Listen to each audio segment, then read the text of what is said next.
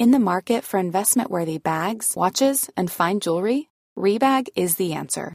Rebag is a luxury resale platform where each piece is carefully inspected by experts to ensure quality and authenticity. Use Rebag to buy and sell finds from the world's top brands, including Louis Vuitton, Chanel, and Cartier. Head to Rebag.com to get 5% off your first purchase with code REBAGNEW. Shop today at Rebag.com. That's R E B A G.com. And use promo code REBAGNEW for 5% off your first purchase. Mom deserves the best, and there's no better place to shop for Mother's Day than Whole Foods Market. They're your destination for unbeatable savings, from premium gifts to show-stopping flowers and irresistible desserts. Start by saving 33% with Prime on all body care and candles. Then get a 15-stem bunch of tulips for just $9.99 each with Prime. Round out Mom's menu with festive rosé, irresistible berry chantilly cake, and more special treats. Come celebrate Mother's Day at Whole Foods Market. I'm Sandra, and I'm just the professional your small business was looking for. But you didn't hire me because you didn't use LinkedIn jobs. LinkedIn has professionals you can't find anywhere else, including those who aren't actively looking for a new job but might be open to the perfect role, like me. In a given month, over 70% of LinkedIn users don't visit other leading job sites. So if you're not looking on LinkedIn, you'll miss out on great candidates like Sandra. Start hiring professionals like a professional. Post your free job on linkedin.com slash people today.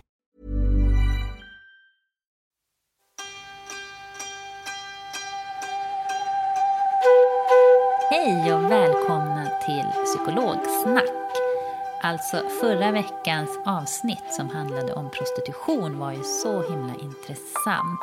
Och vi har fått flera positiva kommentarer om avsnittet. Och vi hoppas ju att vi ska kunna spela in ytterligare ett avsnitt tillsammans med psykolog Josefin Karlsson från stiftelsen Tusen möjligheter. Men att då ha fokus på våld i nära relationer. Mm, det känns ju också som ett spännande avsnitt att göra. Verkligen, något viktigt. Ja. Men idag är det ju bara du och jag, Åsa.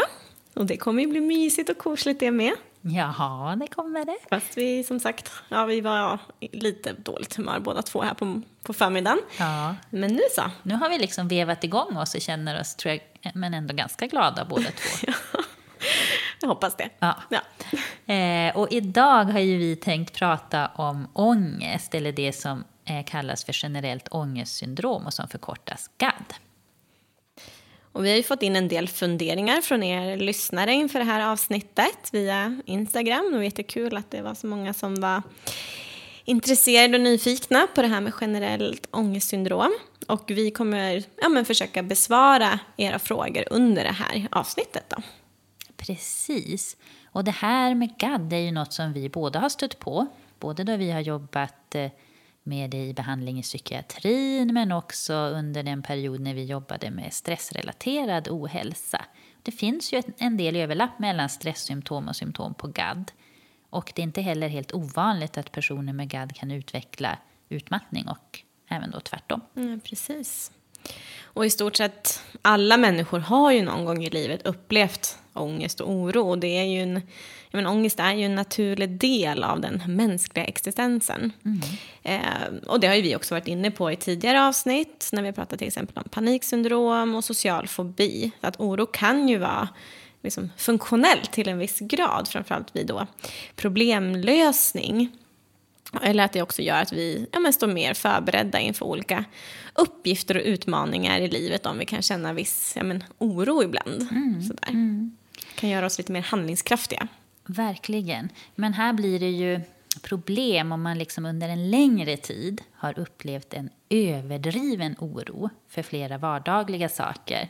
Och samtidigt att man också då har en upplevelse av att oron inte ja, men, eh, går eller att det är mycket svårt att kontrollera den. Och då kan det vara så att man bedöms uppfylla kriterier för generaliserat ångestsyndrom, det som då förkortas GAD. Och för att man ska få den diagnosen så krävs det också att man upplever flera kroppsliga symptom, som till exempel att man känner sig trött, man är mer eh, irriterad, eh, man kan känna sig spänd i sina muskler och ja, men att oron påverkar livet på ett negativt sätt för en. Precis.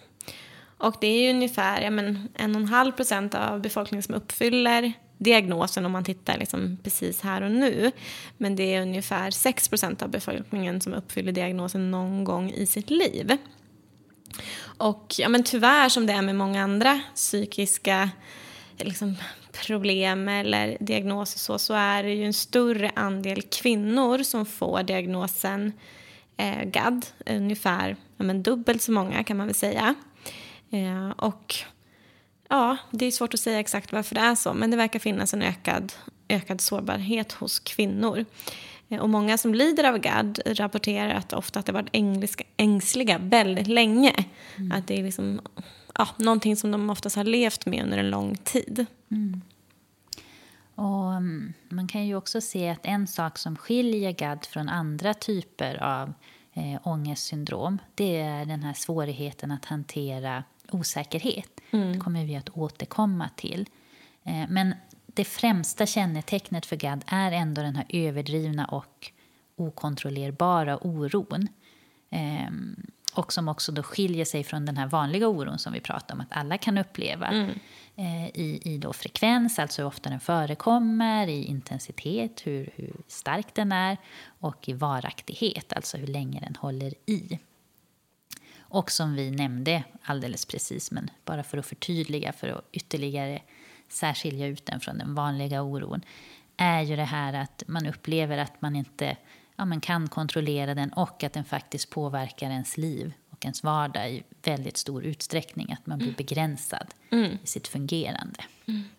Precis, så det är framförallt det här oron då. Men vad, vad, vad är då oro kan man ju fundera på. Eh, men oro anses bestå av en kedja av tankar med negativt färgade känslomässigt innehåll. Oro kan beskrivas som en process som är framtidsorienterad och till sitt innehåll karaktäriseras av händelser vars utfall bäst beskrivs som osäkerhet.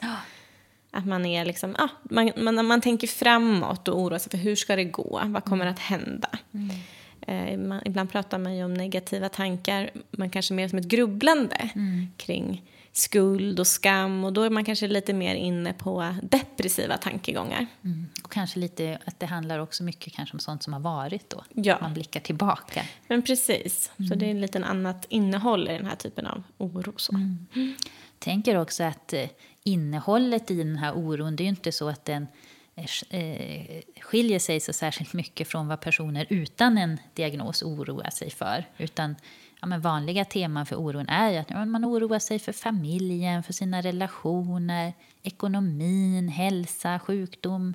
Ja, men olika sådana mm. saker. Och som du var inne på, då, relaterat till framtiden och det som komma skall. Ja, men precis. Och det är inte några så knasiga liksom, tankar som inte har någon verklighetsförankring. Utan det är snarare att de blir så pass intensiva och varaktiga och okontrollerbara som skiljer sig. Ja. Um, och ja, men det är ju väldigt tröttsamt eh, att ofta ha en stark oroskänsla och ångest. Eh, och personer med GAD kan ju till och med få ja, men svårt att fokusera på exempelvis sitt arbete eller att vara helt närvarande i en diskussion. Eh, så att, ja, det man har sett är att det här, de här typerna av besvären går ju också ut över inte bara en själv utan också över relationer. Det kan till och med påverka arbetsförmågan. Och det ökar också risken för andra typer av psykiska besvär som depressioner, det kan leda till att man börjar självmedicinera, ja, till exempel med alkohol. Mm. Vilket kan vara skönt i stunden, men, ja, men som inte är hjälpsamt på lång sikt. Man, man, vill göra någonting för att hantera det här, som mm. Oron som blir väldigt, väldigt påfrestande. Mm. mm.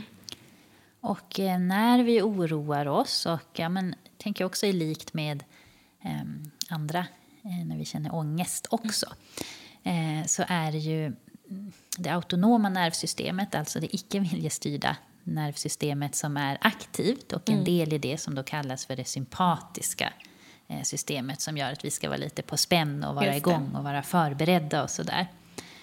Så att det kan ju också göra att det kan komma en del kroppsliga obehag mm. som egentligen då är funktionella och naturliga men att det upplevs obehagligt i de här situationerna.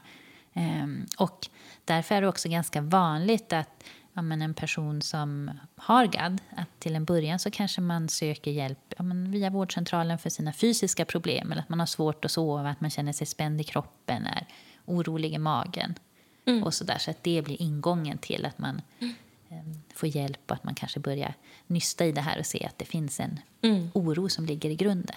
Just det.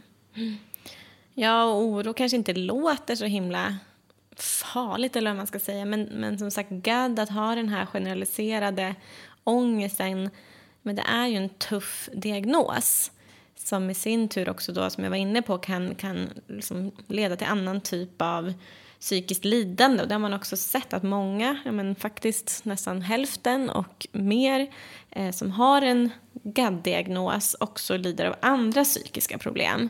Eh, och där är det vanligt med andra ångestsyndrom som liksom social fobi, men också med depression, men också som vi var inne på precis i början där, att, att utmattning. Mm. Det är inte så konstigt om man går runt och oroar sig så blir kroppen ganska trött till slut. Mm. Och hjärnan för den delen. Och hjärnan, och att saker kanske också tar längre tid att göra för att man oroar sig för att, ja, men att det ska bli rätt eller vad det nu kan ja, vara precis. för någonting. Mm. mm. Och det är ju ja, men ganska sällsynt att man bara blir bra av sig själv mm. eh, från GAD. Mm. Eh, alltså oron kan ju såklart eh, variera i grad. Men om man ser över tid så försvinner sällan den här oron av sig själv. Eh, och därför är det viktigt att söka hjälp och att man heller inte då väntar för länge med det. Mm. För det finns ju hjälp att få. Ja. Och för att få en ställd diagnos då, det var ju en av de frågorna som, som vi fick in. Mm. Så här, hur, får man, hur kan man då få en diagnos? Och det kan ju se lite, lite olika ut. Eh, men, men det kan vara bra att träffa en psykolog eller psykiatriker som kan genomföra en så kallad basutredning. Och det, det är bra för att kunna göra en, liksom en, en ordentlig differens, differentialdiagnostisk bedömning. Eh, för det är viktigt att utesluta att det inte beror på någonting annat, både andra psykiska problem men också att utesluta an, liksom andra fysiska orsaker. Exempelvis kan hypotyreos ge upphov till liknande symptom. Och ja, så det är bra att man har någon typ av läkarkontakt också för att stämma av och se så att det inte är någon fysisk tillstånd som ger upphov till den här typen av symptom. Och ja, man kan ju även, liksom en allmänläkare kan ju också ställa den här diagnosen. Mm. Men vi tycker ju ändå på något vis att det är bra att man får en ordentlig basutredning när man, när man ska ta emot en sån här diagnos för att kunna få rätt typ av hjälp såklart. Mm. Eller att psykolog och eh, allmänläkare på vårdcentralen tillsammans ibland ja. gör bedömningen. Precis. Mm. Ja, men det är jättebra. Då kan ju liksom allmänläkaren kanske stå för en del av de här, kika efter de här fysiska, eventuella fysiska orsakerna och en mm. psykolog kan göra en ordentlig psykologisk bedömning. Ja. Mm. Eh, och om vi då ska titta rent lite mer så här formellt fyrkantigt på det här, vad som gäller då eh, för att man ska få en diagnos, vilka kriterier som man ska anses uppfylla när man tittar i ja, diagnosmanualen, diagnosbibeln, DSM-5, eh, som man använder när man då eh, mm. ställer mm. diagnoser. Så är grunden för diagnos det vi har varit inne på, men för att vara tydliga så repeterar vi. Ja. Eh, alltså en överdriven rädsla och oro inför ett antal olika händelser eller aktiviteter flertalet dagar under minst sex månader och också svårigheter att kontrollera sin oro. Mm. Och sen utöver det då så ska minst tre av följande sex delsymptom finnas. Och det kan antingen vara det här med att man känner sig rastlös, uppskruvad, helspänd eller att man upplever att man blir väldigt lätt uttröttad, eh, koncentrationssvårigheter, men också det här med irritabilitet, eh, muskelspändhet, eller sömnstörning. Alltså att man har kanske svårt att somna eller man har väldigt täta uppvaknanden. Eller man helt enkelt har en otillfredsställande sömn. Mm.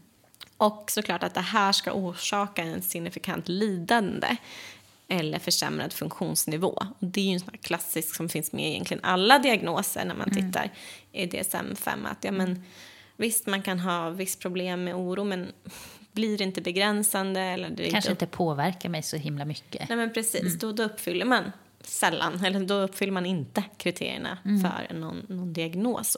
Mm.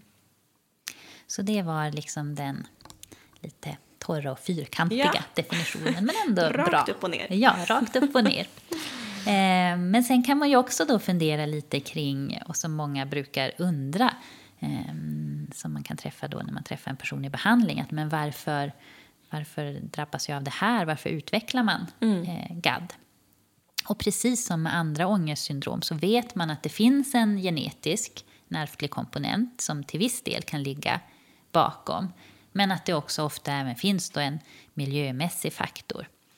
Eh, och det är, det är få människor med GAD som kan säga att så, men oron den startade precis när det här hände eller den här dagen.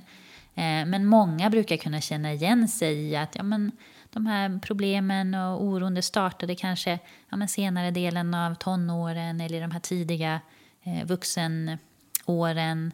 Alltså i samband med man kan väl säga lite så stressfulla livsomständigheter mm. när det sker förändringar i livet. Ja. Mm. Sen har man ju också försökt, försökt titta på, så här, kan man se att det finns någon skillnad i, i hjärnans strukturer eller aktiviteter som kan förklara någon, någonting mm. kring orsaken eller uppkomsten av GAD. Och mm, när man tittar på amygdala då, som är en liten struktur djupt in i hjärnan. Man brukar kalla det för att det är hjärnans kontrollcentrum för rädsla. Så har man sett en förhöjd grundnivå och en förhöjd reaktivitet för stimuli oavsett kvalitet eh, sammanhängande med effekter i emotionell hantering. Mm. Så man har liksom sett att det är något litet som skiljer sig i, i ja, vad som händer där inne i, våra, i rädslans centrum, eller vad man ska säga. Mm. Att den är lite mer reaktiv än om man jämför med en kontrollgrupp då, som inte uppfyller mm. kriterierna för mm. en GAD. Mm. Eh, och sen finns det ju också det är väldigt spännande om man tittar tänker jag, på det här fysiologiska mm. förklaringsmodeller. Det är alltid spännande. Men det finns ju också flera psykologiska eh, förklaringar eller teorier. Eh, där man försöker förklara uppkomsten och även då det här vidmakthållandet av oron i samband med GAN.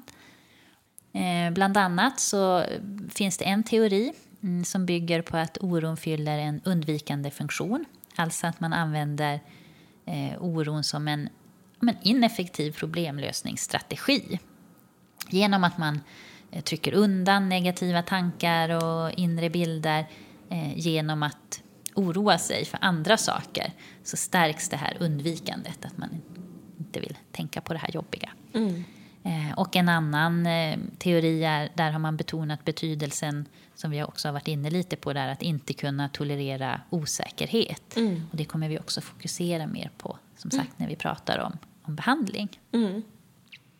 Precis, det är vissa som uttalar sig, har jag hört bland, bland patienter sådär, att de är allergiska mot osäkerhet. Ja, att de får sån stark reaktion mot ja. det.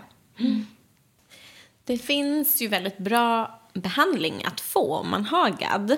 Och behandlingen kan antingen ske med psykologisk behandling, då KBT, eller också då med medicinsk behandling. Men en kombination är ganska vanligt också, att man både använder, alltså får psykologisk behandling men också att man ja, kompletterar med någon typ av medicinsk behandling. Mm.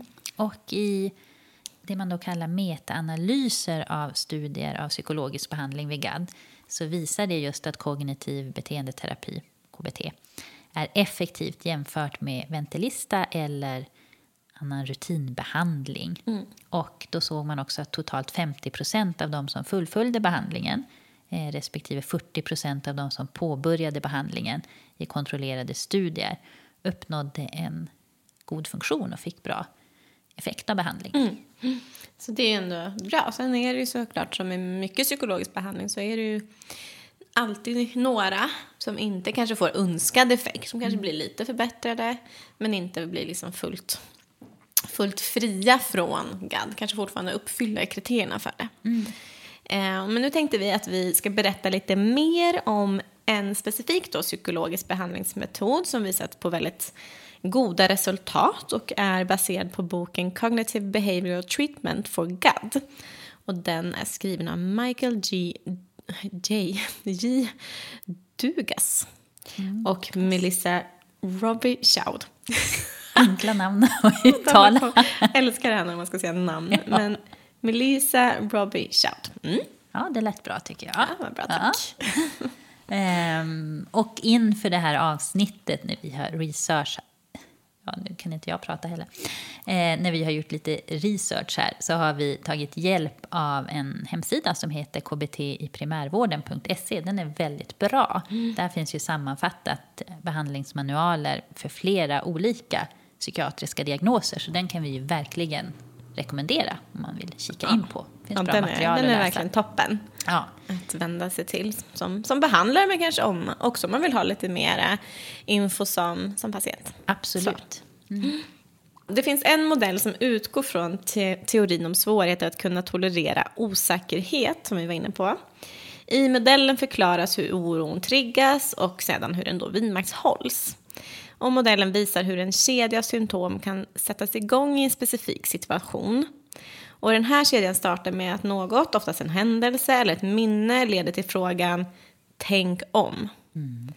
Eh, då blir det det här framtids, liksom, oron, tänk om. Och exempel på utlösande situationer är att ha ett, ja, men ett svårt möte med en annan person, att läsa en tidningsartikel, att titta på nyheterna. Eller om man känner en förändring i kroppen. Tänk om det är något fel på mig. Ja. Och den här då, tänk om, ehm, frågan, tänk om-tanken. Eh, den leder ju sen ofta till ja, men, fler sådana liknande tankar. Alltså det som eh, kallas oro.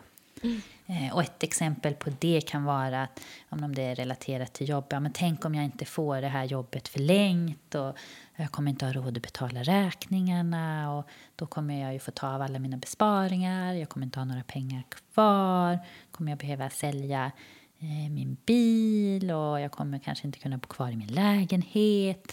Så att eh, det bara driver Eskalerar. vidare, eskalerar den här kedjan av eh, oro, orostankar. Mm. Jag känner lite tryck över bröstet bara av den Ja. tankefrekvensen där. Eh, och ångest är ju ofta en konsekvens av oro som då kan uppstå då efter den här typen av tankar som du beskriver. Och eh, ångesten kan då bestå av kroppsliga eller psykologiska, eller och psykologiska symptom. Eh, och kro kroppsliga symptom kan ju vara muskelspänning, trötthet, medan psykologiska symptom till exempel kan vara att man blir ja, men väldigt irriterad och får svårt att koncentrera sig. Mm. Så man kan säga att ångest är en känsla och eh, oro är då den här tanken om, som vi nu har sagt många gånger, eh, framtida händelser. Och den sista delen i den här modellen lyfter vilka långsiktiga konsekvenser som oron leder till. Det vill säga att oron kommer allt oftare och sitter i under längre tid, vilket i sin tur gör att man blir mer matt och trött och att det får en negativ påverkan på ens liv. Och i behandling, när man pratar om oro, så brukar man skilja mellan två olika typer. Man brukar ha dels det man kallar typ 1-oro, som är oro över ja, aktuella problem, och typ 2-oro, som är en oro över mer hypotetiska situationer. Och när man då går i en behandling för GAD så får man lära sig att identifiera liksom vilken typ av oro som man upplever. Det här kan ju skifta, ofta kan man ju ha båda typerna. Och sen också ja, men att man får lära sig olika strategier och verktyg för hur man kan hantera den här oron på olika sätt. Precis, och för att få då lite koll på vad är det för typ av oro jag har och hur ofta och sådär så är ett första steg att man får registrera sin oro i en så kallad orosdagbok. Och då skriver man då i dagboken vad man oroar sig för, hur mycket ångest oron väcker och om det är just en typ 1 eller typ 2-oro. Mm. Så det handlar mycket om att få den här medvetenheten som tänker jag i all behandling är så här ett viktigt första steg för att man sen ska kunna göra förändringar. Och eh, när man då tittar igenom sin orosdagbok, kanske själv men ofta om man går i behandling gör man det tillsammans med sin psykolog, så brukar man bland annat då kunna ja, men identifiera olika orosteman och det man kallar oroskedjor. Alltså som vi var inne på, när ett orostema triggar till ett annat eh, så kan det bli en sån här kedja och den kan ju vara ibland bara ett par minuter men ibland kan det här eh, sitta i flera timmar. Och viktigt att säga är ju att i en behandling så handlar det inte om att ta bort oron, för det är nästan omöjligt, utan att göra den hanterbar så att den man inte tar över hela ens liv. Ja, precis. Och ta bort oro skulle ju vara problematiskt. Ja. Om man tänker över den funktion som den ändå har. Ja. Ehm, så att, ja. Men som sagt, göra den hanterbar. Ehm, I orosdagboken kan man också se att oron kan handla om både aktuella problem och hypotetiska situationer som vi var inne på. Till exempel så kan man vara orolig för kronisk smärta som är kanske just faktiskt ett aktuellt problem, någonting som man lever med här och nu. Och samtidigt kanske man oroar sig över att smärtan är ett tecken på en allvarlig sjukdom. Mm. Det blir lite det här med att tänka om och, och sådär. Och då är det med en hypotetisk situation. Den kroniska smärtan är faktisk, man kanske har den och lever mm. med den. Men att det här skulle vara en allvarlig sjukdom är hypotetiskt. Mm. mm. Och eh, jag tänker också att men alla vi människor ogillar väl osäkerhet mer eller mindre. De flesta av oss tror jag ändå brukar tycka om att i någon mån veta lite vad som eh, ska hända. Mm. Men när man då pratar om det här eh, om intolerans för osäkerhet så kan man tänka att det kan ses som liksom orons bensin. Eller ja, men som du var inne på, mm. sa tidigare där Sandra, alltså som en psykologisk allergi. Mm. Så ju mer man då är intolerant mot osäkerhet, desto större eh, är ju sannolikheten för att man ska ställa sig just den här frågan tänk om, som sen leder då till eh, oro. Och om man då fortsätter att jämföra här med allergi, så om man tänker människor som har allergi så kan ju de få en stark reaktion även om en liten mängd av det här ämnet som de är allergiska mot. Och eh, ja, men till exempel, nu är ju våren snart här mm. och jag läste faktiskt att en del har redan börjat känna av pollen. Mm. Så är man eh, till exempel då allergisk mot pollen så kan det ju vara så att man börjar nysa eller hosta, man blir liksom rinnig och röd och kliig i ögonen och eh, så även fast det inte är så mycket pollen i luften. Och på samma sätt är det då för en person som är intolerant för osäkerhet. Alltså det krävs inte så mycket osäkerhet för att det faktiskt ska leda till en stark reaktion av oro och ångest. Just det. Mm. Ja, en person kan ju exempelvis då som är intolerant för osäkerhet börja oroa sig mycket för flygplanet de reser med ska störta. Även om det är en mycket liten risk för att det ska inträffa. Och då kan vi fundera på hur kan man då bli mer tolerant för den här osäkerheten. Och egentligen så finns det ju bara två sätt att bemöta intolerans av osäkerhet. Och det första är ju att antingen liksom öka säkerheten eller genom att öka toleransen för osäkerhet. Mm. När man då oroar sig väldigt mycket så är det kanske det vanligaste att man i alla fall i början försöker öka eh, säkerheten genom att använda sig av ja, men, olika undvikande och närmande strategier. Mm. Vilket inte är så konstigt eftersom att det ofta på kort sikt minskar oron och ger ja, men, ett större lugn. Mm. Alltså där kan ju jag komma med, apropå rädd för att planet ska störta. Um, så där har jag ju själv försökt då öka vad man ska säga, säkerheten. Nu ska inte jag säga att jag uppfyller kriterierna för GAD, för det gör jag inte. Men jag kan känna en väldigt stark oro när jag flyger. Ja. Och då har ju jag liksom vissa saker som jag har gjort. Exempelvis har jag hört att vissa ställen i flygplanet är säkrare än andra. Mm. Eh, vilket jag vet rent... liksom att det, nej, störta planet så dör vi alla. Men, eh, och sen har jag också på något sätt försökt öka säkerheten genom att endast flyga med vissa bolag som jag tycker verkar mer seriösa. Mm. Eh, och ja, lite sådana saker. Att jag försöker liksom, ja, på något vis intala mig själv i alla fall att jag ökar säkerheten. Det är inte ja. alltid det kanske stämmer i verkligheten, men... Jag måste säga att jag tycker att jag känner mig igen mig själv i det där. Mm. Med åren har min liksom, oro inför att flyga mm. Nu vågar man ju knappt säga att man flyger ibland. Nej, nu är det av andra skäl. av andra skäl. Men när jag väl då gör det ja. så har oron växt från att jag var en sån som tyckte det var så superhärligt ja. och bara åh vad härligt till att jag nu oroar mig innan för en massa olika saker. Ja. Mm. Alltså det där är ju faktiskt en personlig fördel som jag ser också med det här med miljötänket är ju att nu på jobbet när de frågar mig om jag kan mm. flyga så säger jag nej men helst inte. Nej, är det av miljöskäl? Ja. Det är av miljöskäl. Jag tycker inte att det är okej. Och det tycker jag inte ja, heller. Ja. Men, men det är också för att jag känner, gud vad skönt att slippa. Mm. Eh, för då behöver jag inte bli så där orolig. Mm. Men problemet med de här strategierna är att de tar väldigt mycket kraft och energi. Eh, plus att vi inte kan bli 100% säkra på, på någonting egentligen. Nej. Eh, Vi kan inte vara säkra på att vi kommer vara friska i framtiden bara för att vi är det här och nu. Eller att vi alltid kommer ha ett jobb eller att alla våra relationer alltid kommer vara bra. Gud, jag Och- bara känner en liten oro triggas i mig när jag Ja. tänker på det. Ja, och det är ju någonting vi får leva med. Den Mm. här osäkerheten. Eh, För oavsett hur noggrant vi planerar våra liv så uppstår det ju ofta något oväntat. Ja.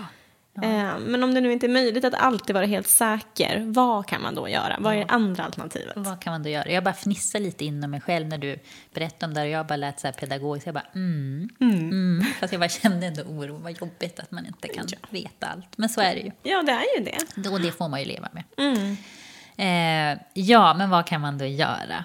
Eh, det bästa sättet eh, när man då vill förändra en tanke, och oron är ju tankar, det är att förändra beteendet.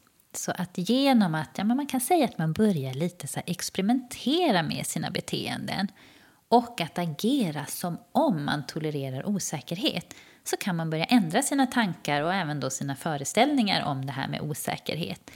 Och ett bra sätt att börja är faktiskt att ställa sig frågan om jag var tolerant för osäkerhet, ja, men vad skulle jag då göra i den här situationen? Vad skulle du göra när du ska ut och resa då? Nej, men då skulle jag ju sagt att jag gör det helst inte för miljöskäl. Men sen skulle jag säga, ja, fast okej, nu är det så situationen ser ut. Hade jag haft tolerans för osäkerhet så skulle jag bara säga, ja, vi gör så. Ja. Och så skulle jag ha flygit, vilket jag måste säga att jag faktiskt gör.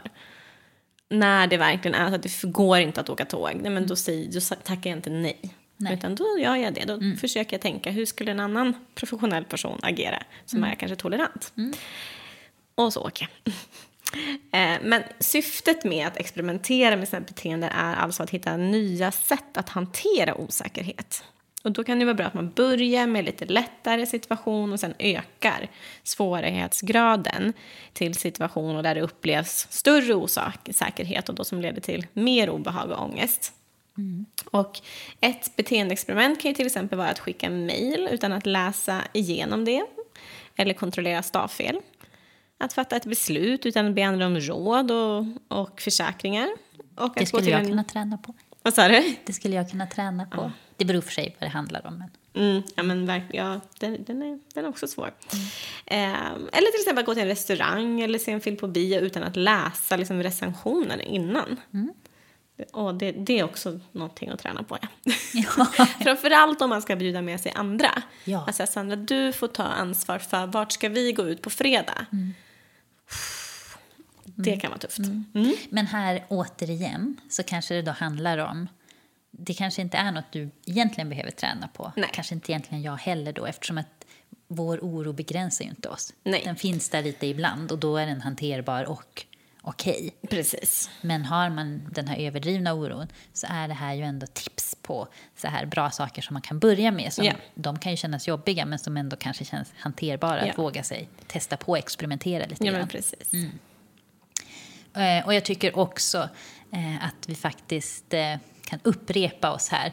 För det här brukar vi återkomma ofta till när du och jag pratar om ja, men att experimentera med beteenden, att förändra sina beteenden.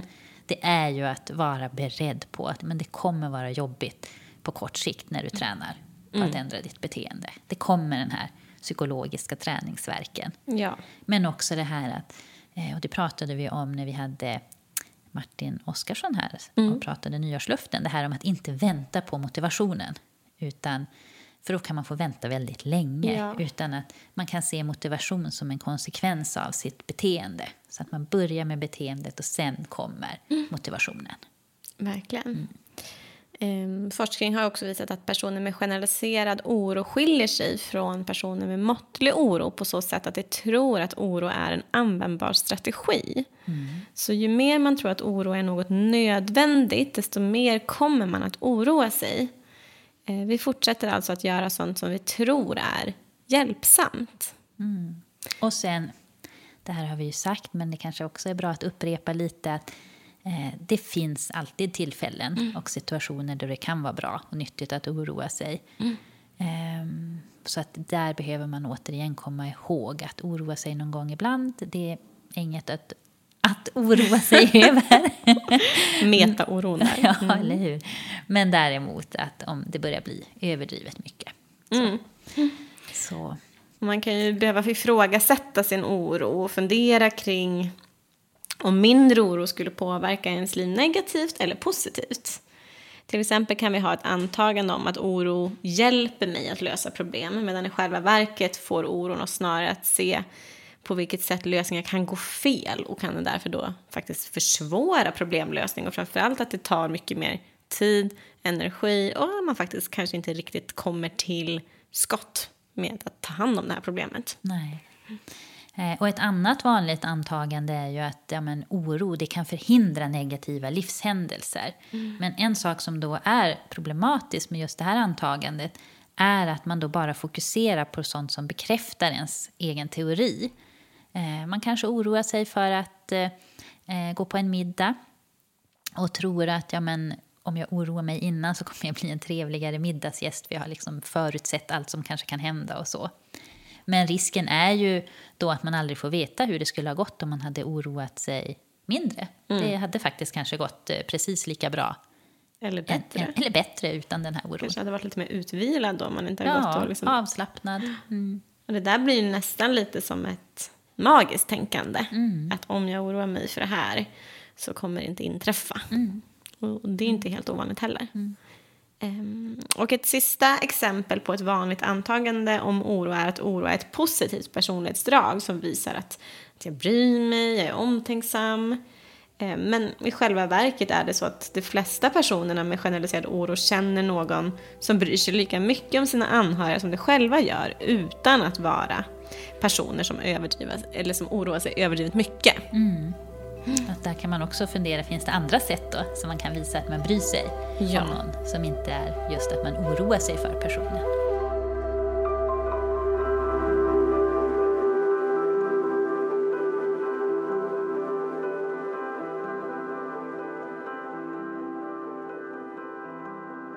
Negativ problemorientering är en faktor som också bidrar till överdriven oro och stör förmågan att då på ett effektivt sätt lösa problem. Och problemorientering det handlar helt enkelt om hur vi ser på problem och hur vi ser på oss själva som problemlösare. Forskning visar att personer som oroar sig överdrivet mycket har precis lika bra problemlösningsfärdigheter som personer som oroar sig mindre. Men samtidigt har personer som oroar sig överdrivet mycket ofta en negativ problemorientering. Och det här innebär att man har negativa inställningar och antaganden om problem och problemlösning. Så personer som har negativ problemorientering tenderar ofta att se problem som väldigt hotfulla och att de också tvivlar väldigt mycket på sin förmåga att lösa problem och att tro att problemlösning inte kommer att fungera oavsett vad de gör. Mm. Det finns ju några strategier som man kan testa att använda för att få en bättre problemorientering. Mm. Eh, och det är det första att man kan Eh, men försöka upptäcka problemen innan det är för sent. För ofta startar ju problem som just små problem. Och det är när man då ignorerar dem som de sen börjar växa och bli mer allvarliga och komplexa och ja, men kanske också mer utmanande mm. att då lösa. Men också att man behöver träna på att betrakta problem som en normal del av livet. För alla kommer vi ha problem ibland och att behöva hantera problem det är faktiskt ja, men helt normalt och en oundviklig del mm. i våra liv. Ja, men precis. Men ibland kan man ju verkligen känna att det verkar som att vissa människor inte har några problem. Mm. Eh, och, men det här beror ju troligen just på det, att de hanterar de här problemen snabbt och effektivt. Och när man just gör så som du beskriver, att man ser problemen som en normal del av livet, så blir det ju lättare att också försöka fokusera på att lösa dem. Mm. Mm. Um, och om vi då går tillbaka lite till det här som vi pratade om för en stund sedan kring det här att oron kan delas in i två typer av oro. Typ 1 som då handlade om oron över aktuella problem och typ 2 som var den här oron över hypotetiska situationer. Eh, så är det man kallar problemlösning, det är ett verktyg som kan användas för att eh, hantera den här oron över aktuella problem, alltså typ 1-oro. Mm.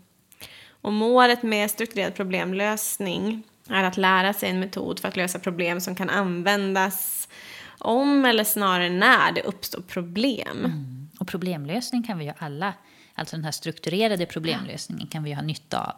Även om vi inte har Ja, GAD. absolut. Det är väldigt bra. Och eh, även det här, metod. att bara det här tankesättet, tänker jag att, att det här tänka på det som en naturlig del. Mm. Att ja, men det är problem och försöka ta tag i dem ganska snabbt. Det tror jag också är någonting som är hjälpsamt för de allra flesta. Ja. Ehm, men vi kan ju i lite korta drag kanske gå igenom vad den här strukturerade problemlösningen går ut på, vilka steg som finns med där. Eh, För det första steget är ju att eh, man behöver definiera eh, problemet så att man vet vad handlar det här om, vad är det jag ska försöka lösa. Att man där också försöker vara ja, men ganska tydlig och konkret. Och hur ser den här situationen ut och hur skulle jag vilja att den här situationen såg ut. Och kanske också se, men finns det några hinder eller när ska jag liksom ha hittat en, en lösning eller nått målet med det här. Precis, och sen är ju steg två att lista möjliga lösningar. Och det här är ju, ja men det brukar kallas för brain, brainstorming-steget. Och här gäller det att komma på så många potentiella lösningar som möjligt. Eftersom att det här ökar möjligheten att finna en fungerande lösning. Så att man kan ju sikta på att försöka komma på ja, ganska många, 10-15 lösningar för varje problem. Och för att få liksom, göra det här så på ett effektivt sätt som möjligt så är det bra att vänta med att börja liksom, bedöma de här lösningarna. Utan bara slänga upp det man tänker på, hur skulle jag kunna lösa det här? Och inte sitta och fundera, men vänta nu, hur realistiskt är det här? Utan upp med det bara. Eh, och, att, och att man sen då ja, skriver upp alla de här. Och ja, komma på så många olika slags lösningar som möjligt helt enkelt. Eh, och sen i nästa steg att man då eh, väljer en lösning. Att man går igenom den här listan med möjliga lösningar och försöker hitta men vilken är eh, bäst. Och sen är det ju viktigt såklart att påminna sig om att det finns kanske inte någon som är den perfekta lösningen. Eh, utan man kan ju gå igenom de här olika alternativen och ställa sig själv frågan, ja, men kommer den här lösningen att eh, lösa mitt problem? Och ja, men hur mycket tid och kraft kräver den här lösningen? Och hur skulle det vara för mig? Hur skulle jag känna om jag valde den här lösningen? Och vilka konsekvenser skulle den här lösningen kunna få för mig? Både för mig själv men även för andra. Och att man också då tar det här perspektivet både på kort och på lång sikt. Just det, ja, det är ju bra så att man inte bara försöker hitta de här snabba, korta. Ja. Som tar bort någon typ av oro kanske. Och sen steg fyra är ju helt enkelt att genomföra den lösningen du valt. Och det innebär också att man behöver planera de ingående stegen som, som krävs då för att ja, men, ta, ta sig an den här lösningen. Och därefter följa dem. Och det gör inte bara att du vet hur du ska göra utan det ökar också sannolikheten för att du genomför lösningen. Och även här kan det vara bra att ha en tidsgräns för när varje steg ska vara utfört. Fundera också över hur du ska veta om lösningen fungerat som planerat. Hur ska du liksom utvärdera det här? För det är ju nästa viktiga steg, att utvärdera liksom resultatet. Ehm, för att bli en bättre problemlösare så är det ju just viktigt att, ja men, hur gick det här? Vad blev resultatet av, av min problemlösning? Kunde jag lösa problemet? Och om det nu inte gick att, eh, att lösa med den här lösningen som jag hade valt, vad skulle jag kunna göra annorlunda? Ibland kan det ju vara att man faktiskt får gå tillbaka i sin lista och Precis. prova ett annat alternativ. Från själva brainstorming-steget Ja. där. Ja, att se, hmm, men det kanske funkar bättre att Ja. göra på det här sättet Ja, istället. precis. Just det där brainstorming-steget tycker jag känns väldigt tilltalande. Alltså alla steg är jättebra, framförallt också sen att bryta ner det i så här, hur ska jag faktiskt göra det, ta mig an den här lösningen. Men att faktiskt få tänka lite fritt och bara tänka så många olika saker som möjligt. Det tror jag kan vara en, en bra grej, verkligen. Ja, och inte som fastnar. du sa, hamna i det här direkt börja analysera och bedöma. Går det här att genomföra? Nej, det här kommer inte gå. Ja, men precis. Utan bara så här, slänga ur sig de där förslagen. Ja. ja. För annars kan jag tänka mig att känslan kan styra ganska mycket där. Just också om man har en tendens att tänka att problem lösningen ändå inte kommer lyckas så är det nog lätt att man blir väldigt kritisk till dem, det, de lösningarna man kommer på. Men som sagt, problemlösning, strukturerad problemlösning är bra, så testa gärna det. Mm. Både om du känner igen dig i, i gadd och oro, men faktiskt även om du inte gör det så skulle jag rekommendera att prova det om du ställs inför problem som känns lite knepiga.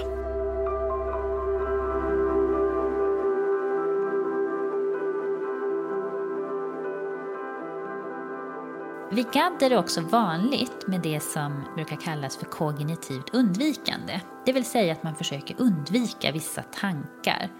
Eh, och den som har provat att göra det eh, har säkert märkt att det är väldigt svårt. Mm. Eh, och forskning har ju också visat att försök till att just trycka undan tankar det kan faktiskt leda till motsatt effekt.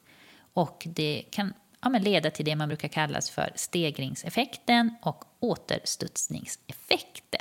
Och vad är det då? Återstudsningseffekten, ja. Nej, men stegringseffekten kan jag berätta i alla fall. Det innebär att när man försöker trycka undan en tanke så kan det leda till att tanken kommer oftare. Och återstudsningseffekten innebär att tanken man försöker trycka undan kan dyka upp oftare även efter att man försökt trycka undan en tanke. Mm. Så det här funkar ju inte så himla bra, helt enkelt. Nej. Så att när vi då försöker blockera eller undvika de här ångestväckande tankarna så kan det ja, leda till att fler orostankar poppar upp i huvudet. Så på lång sikt så är inte det här en hjälpsam strategi, även om det kanske fungerar kortsiktigt i stunden. Ja. Mm. Och nu när vi ändå är inne och pratar om tankar så kan vi passa på att prata lite om katastroftankar som just var en av lyssnarfrågorna. Eh, och många med ångestproblematik har ju katastroftankar som, gr som grund för sin ångest. Sedan så skiljer det ju såklart åt mellan individer. Eh, men att jobbiga tankar, olämpliga impulser och hemska bilder dyker upp för sinnet är ju allmänmänskligt.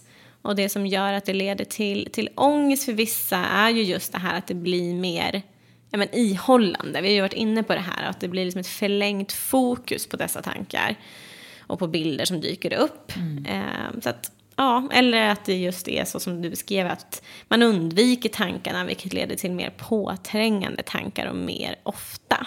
Mm. Och eh, en del kan ju också ha uppfattningen om att ja, men tankar det berättar någonting mm. om verkligheten. Mm. Eh, vilket kan göra att ja, men, just då här olämpliga impulser kan kännas extra jobbiga eftersom att det tolkas som något som personen faktiskt vill göra. Man kan tänka sig, men varför skulle jag tänka det här om jag inte vill göra det här? Mm. Till exempel skulle det kunna vara att så här, impulsen att det kommer en tanke om man går på en hög bro. Mm. Alltså, Åh, tänk om jag hoppar ner här nu. Ja. Eh, den brukar många kunna känna igen sig i. Eh, och om den här impulsen då skulle tolkas som att ja, men det här är faktiskt sant, att det här är en tyder på att jag vill det här. Mm. Eh, då är det ju inte långt bort att man faktiskt ja, men blir rädd för sina egna impulsa, mm. impulsa, impulsiva tankar. Ja, men precis. Och ytterligare någonting då som kan leda till ångest det är ju själva rädslan för att få ångest, att drabbas av ångest. Mm. Och den här oron brukar man då kalla för en, en metaoro. Mm. Och för att nå förändring som håller och är hjälpsam på lång sikt så behöver man ju utsätta sig för de här situationerna man är rädd för och undviker och kan på så vis lära sig att hantera det obehag som orostankar leder till. För om man stannar kvar i en oros eller ångestfylld situation tillräckligt länge utan att göra något alls så kommer ångesten till slut att gå ner av sig själv eller vi också har, eller att man faktiskt lär sig då att så här, man klarar av saker när man då stannar kvar i den här situationen samtidigt som man ändå också känner ångest. Mm. Vid exponering för oro, för det är det det handlar om här mm. då när man ska stanna kvar i situationen eller få en ny erfarenhet av att klara av situationen och ha ångest. Eh, men när man då jobbar med exponering vid GAD så brukar man jobba med något som kallas för imaginär exponering. Mm. Är det uttalet? Jag tror man säger mm, så. Mm. Imaginär. Mm, ja. imaginär. Mm. Eh, och det handlar alltså om att man tankemässigt får eh, föreställa sig det man undviker. Mm. Eh, och ofta när man oroar sig så kanske orostanken dyker upp. Och så, som vi sa så försöker man så undvika, jag vill inte tänka på det här. Eh, och man undviker att kanske tänka så att säga hela tanken. Eh, vilket också ja, men resulterar i att tanken dyker upp hela tiden. Men vid imaginär exponering ja, men då utsätter man sig verkligen för den här skrämmande tanken. Och hur ska jag säga, man liksom vecklar ut den fullt ut. Man mm. målar ut den, man följer tanken hela vägen. Mm. Eh, man tänker liksom värsta tanken. Eh, och det här gör man ju såklart på ett strukturerat och planerat sätt, så som man gör vid all typ av exponering. Mm, precis. Och om man ska sammanfatta lite hur det här går till då eh, men så behöver man ju först liksom identifiera orostema. Vilken rädsla ska exponeringen fokusera på? Ja, men är det det här, tänk om det blir turbulens under flygresan? Eh, och då till sin hjälp så kan man sedan prova att använda övningen värsta tanken genom att gång på gång besvara frågan. Om min orostanke besannades, vad skulle inträffa sen? Vad skulle det leda till? Och sen fortsätta ställa sig den här frågan tills man inte längre hittar något svar. Och då kan man tänka att man har nått rädslans kärna. Mm. Det här är ju väldigt effektfullt. Ja. Och, något som vi båda två här innan pratade om att det här har vi faktiskt testat. Ja. Eller testat på, ja men använt oss av som en intervention och insats i behandling. Ja. Så om man skulle ta då den tanken, gör du det? Ja, eh, men om tanken då var, tänk om det blir turbulens under flygresan. Ja, vad är det värsta med det? Planet skulle krascha. Men vad är det värsta med det? Ja, men jag kommer dö och eh, mina barn, nu har jag inga barn, min hund skulle bli utan utan sin matte. Okej, och vad är det värsta med det? Ja, vad skulle det vara då? Mm. Ja, men då kanske man har nått kärnan. Mm. Då har man nått dit. Då har man nått liksom hela vägen ut. Att jag skulle dö och lämna eh, människor, djur efter mig som ja. inte kunde ta hand om sig själva. Men precis, och det är väl det man har märkt, att det är sällan man kommer, en person som har GAD kommer ju oftast hela vägen dit. Mm. Utan som du sa så börjar man oftast undvika det. Tidigare. Tidigare, man kanske bara kommer till tanken, tänk om det blir turbulens. Ja. Tänk om, och sen så börjar man säga nej, nej, nej, nej, nej. Mm. Och så mm. trycker man liksom undan det. Det blir så obehagligt ja. att tänka det här att man kanske inte skulle finnas mer och vad som skulle hända då. Eller precis. vad det nu är för något som är ens mm. värsta tanke och, och rädslans mittpunkt. Ja, men precis. Mm. Eh, och när man då har identifierat sitt eh, orostema eller den här värsta rädslan ja. som man känner, värsta oron, då får man faktiskt eh, ja, men, skriva ner det här. Eh, att man liksom skriver en ja, men en berättelse kan man väl säga, där man försöker beskriva den här händelsen eller situationen så trovärdigt som möjligt. Mm. Och att man försöker använda mycket detaljer, man försöker få med känslor, olika mm. sinnesintryck. Mm. Eh, man skriver i nutid och man använder också jag-form och verkligen försöker leva sig in i det här scenariot, i den här händelsen så mycket som det bara går. Mm. Och går man i behandling så kan man också få hjälp av sin psykolog här, att man går igenom lite tillsammans och, eh, hur man ska göra och så. Mm. Eh, och sen när man har gjort det i nästa steg, ja, men då spelar man in det här. Mm. Eh, och det här kanske ska ta ja, men, några minuter när man läser det. Och att man får läsa in det och, och att man gör det ganska långsamt också så man inte så här skyndar sig igenom. Ja, ehm, och sen är det då själva lyssningen på den här inspelningen som blir exponeringen. Mm. Och här får man också ja, men egentligen som vid all exponering, att man tränar varje dag. Mm. För att det ska bli, ge så mycket effekt som möjligt. Ja. Och behandlingen brukar ju avslutas just när, när det har skett en minskning av symptom eh, och man kanske har fått nya strategier och verktyg för att hantera oron. En del kan tänka att nu ska jag aldrig mer känna oro eller ångest, men riktigt så fungerar det ju inte. Mm. Utan alla kommer vi under vissa perioder, perioder i livet känna både oro och ångest. Och det kan ju också vara helt enkelt funktionellt för oss. Mm. Och har man haft den här överdrivna oron länge så är det inte realistiskt eller snällt mot sig själv att förvänta sig att man ska bli helt symptomfri eh, efter liksom en kort tid. så. Nej, så det handlar ju alltså om att ja, men kunna använda sig av de här verktygen som man har lärt sig för att kunna möta eh, svåra situationer i framtiden mm. på ett bättre sätt. Eh, och då kan man ju faktiskt också behöva fortsätta träna liksom regelbundet mm. i sin vardag så man håller de här strategierna och verktygen eh, levande. Mm. Eh, och ibland så kan man ju såklart också behöva kombinera den här exponeringsbehandlingen med andra strategier, andra verktyg. Det kan ju vara att man behöver göra avslappningsövningar, man mm. kanske får träna medveten närvaro. Jag tänker fysisk träning. Har ju också god effekt på ja, ångest och oro så det kan ju vara ett viktigt inslag i behandlingen. Eh, som vi har pratat om, som du nämnde, det här med medicinsk behandling. Ja. Och sen finns ju fler saker man kan göra. Men... Precis, men det är väl de viktigaste. Ja. Ja, men så sammanfattningsvis för att liksom knyta tillbaka till de lyssnarfrågorna som vi fått så kan man väl kort säga att ja, men diagnosen GAD kan ju ställas av en läkare eller psykolog på antingen vårdcentral eller inom psykiatrin. Men att det är ju kanske att föredra att man har både någon typ av eh, läkare och psykologkontakt för att känna att man har fått en ordentlig liksom, utredning och bra differentialdiagnostisk bedömning. Mm. Eh, och ja, men liksom, huvudkriteriet eh, för GAD är ju det här att man ska ha en överdriven oro som är svår att kontrollera och som påverkar ens vardag och liv på ett väldigt negativt sätt. Plus också att man då har något tillägg av de här kroppsliga symptomen.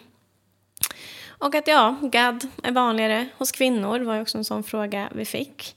Och när det gäller ja, men verktyg så har vi ju gått igenom många. Mm. Så här, en, en bra grej att tänka vad skulle en person som göra som är tolerant för osäkerhet? Den frågan är så bra. Ja, den är jättebra. Ja. Eh, att, eh, att tänka värsta tanken mm. eh, för att komma till roten av och att sen exponera sig för den tanken är också ett väldigt bra verktyg. Mm. Mm. Att testa på problemlösning. Ja, en strukturerad problemlösning. Och till att börja kanske också göra en orosdagbok så man faktiskt får lite bild av vad är det jag oroar mig för, vad är det för teman? Är det typ, eller oro typ 1 eller oro typ 2 eller både och? Mm. Och sen såklart också att men vänta inte med att söka hjälp. Om du känner igen dig här nu när du har lyssnat och så här, men gud, jag kanske faktiskt eh, har väldigt mycket mm. oro och att den påverkar mig. Eh, så sök hjälp och mm. eh, men vänd dig till din vårdcentral så kan ju de göra en bedömning och hjälpa dig vidare. Men det finns ju också hjälp att få digitalt, till mm. exempel på mindler.se mm. där det mm. finns ett gäng duktiga och kompetenta psykologer. Mm. Här får vi väl säga att nej, vi är inte sponsrade nej. av dem, även om vi önskade det. Ja, men precis. Nej, utan vi ser ju att vi vill skapa och eh, bidra med information som vi vet är viktig. Ja, om mm. att man kan vända sig och få ja. bra hjälp. Mm. Um, och med det tar vi väl och rundar av och som alltid eh, mm. påminna lite om att vi finns ju på eh, Instagram, mm. Facebook också, men kanske lite mer aktiva på Instagram. Ja. Och vi säger ju också tack till Ulf Svedlund för att vi får låna hans låt Pianot här i podden. Mm. Och tack till Jenny Segerheim som är vår tekniska hjälte. Ja. som klipper och stöttar oss i allt sånt där som inte vi förstår oss på. Ja, mm. så tack eh, till er och tack alla ni som lyssnar och som bara blir fler och fler. Det gör oss så glada. Ja, verkligen. Ha det så bra. Ja, ha det bra. Tack. Hej.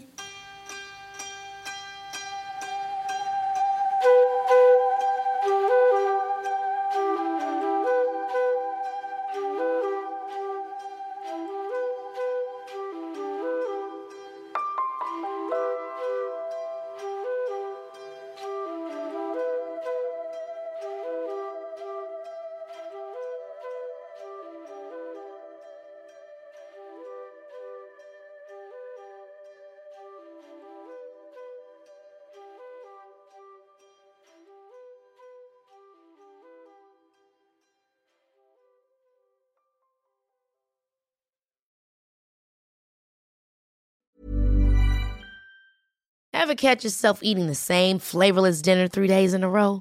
Dreaming of something better? Well, HelloFresh is your guilt-free dream come true, baby. It's me, Gigi Palmer. Let's wake up those taste buds with hot, juicy pecan-crusted chicken or garlic butter shrimp scampi. Mm. Hello Fresh. Stop dreaming of all the delicious possibilities and dig in at HelloFresh.com. Let's get this dinner party started. Mom deserves the best, and there's no better place to shop for Mother's Day than Whole Foods Market. They're your destination for unbeatable savings, from premium gifts to show-stopping flowers and irresistible desserts. Start by saving 33% with Prime on all body care and candles. Then get a 15-stem bunch of tulips for just $9.99 each with Prime. Round out Mom's menu with festive rosé, irresistible berry chantilly cake, and more special treats. Come celebrate Mother's Day at Whole Foods Market. Planning for your next trip? Elevate your travel style with Quince. Quince has all the jet setting essentials you'll want for your next getaway, like European linen, premium luggage options, buttery soft Italian leather bags, and so much more. And is all priced at 50 to 80% less than similar brands. Plus, Quince only works with factories that use safe and ethical manufacturing practices. Pack your bags with high-quality essentials you'll be wearing for vacations to come with Quince. Go to quince.com/pack for free shipping and 365-day returns.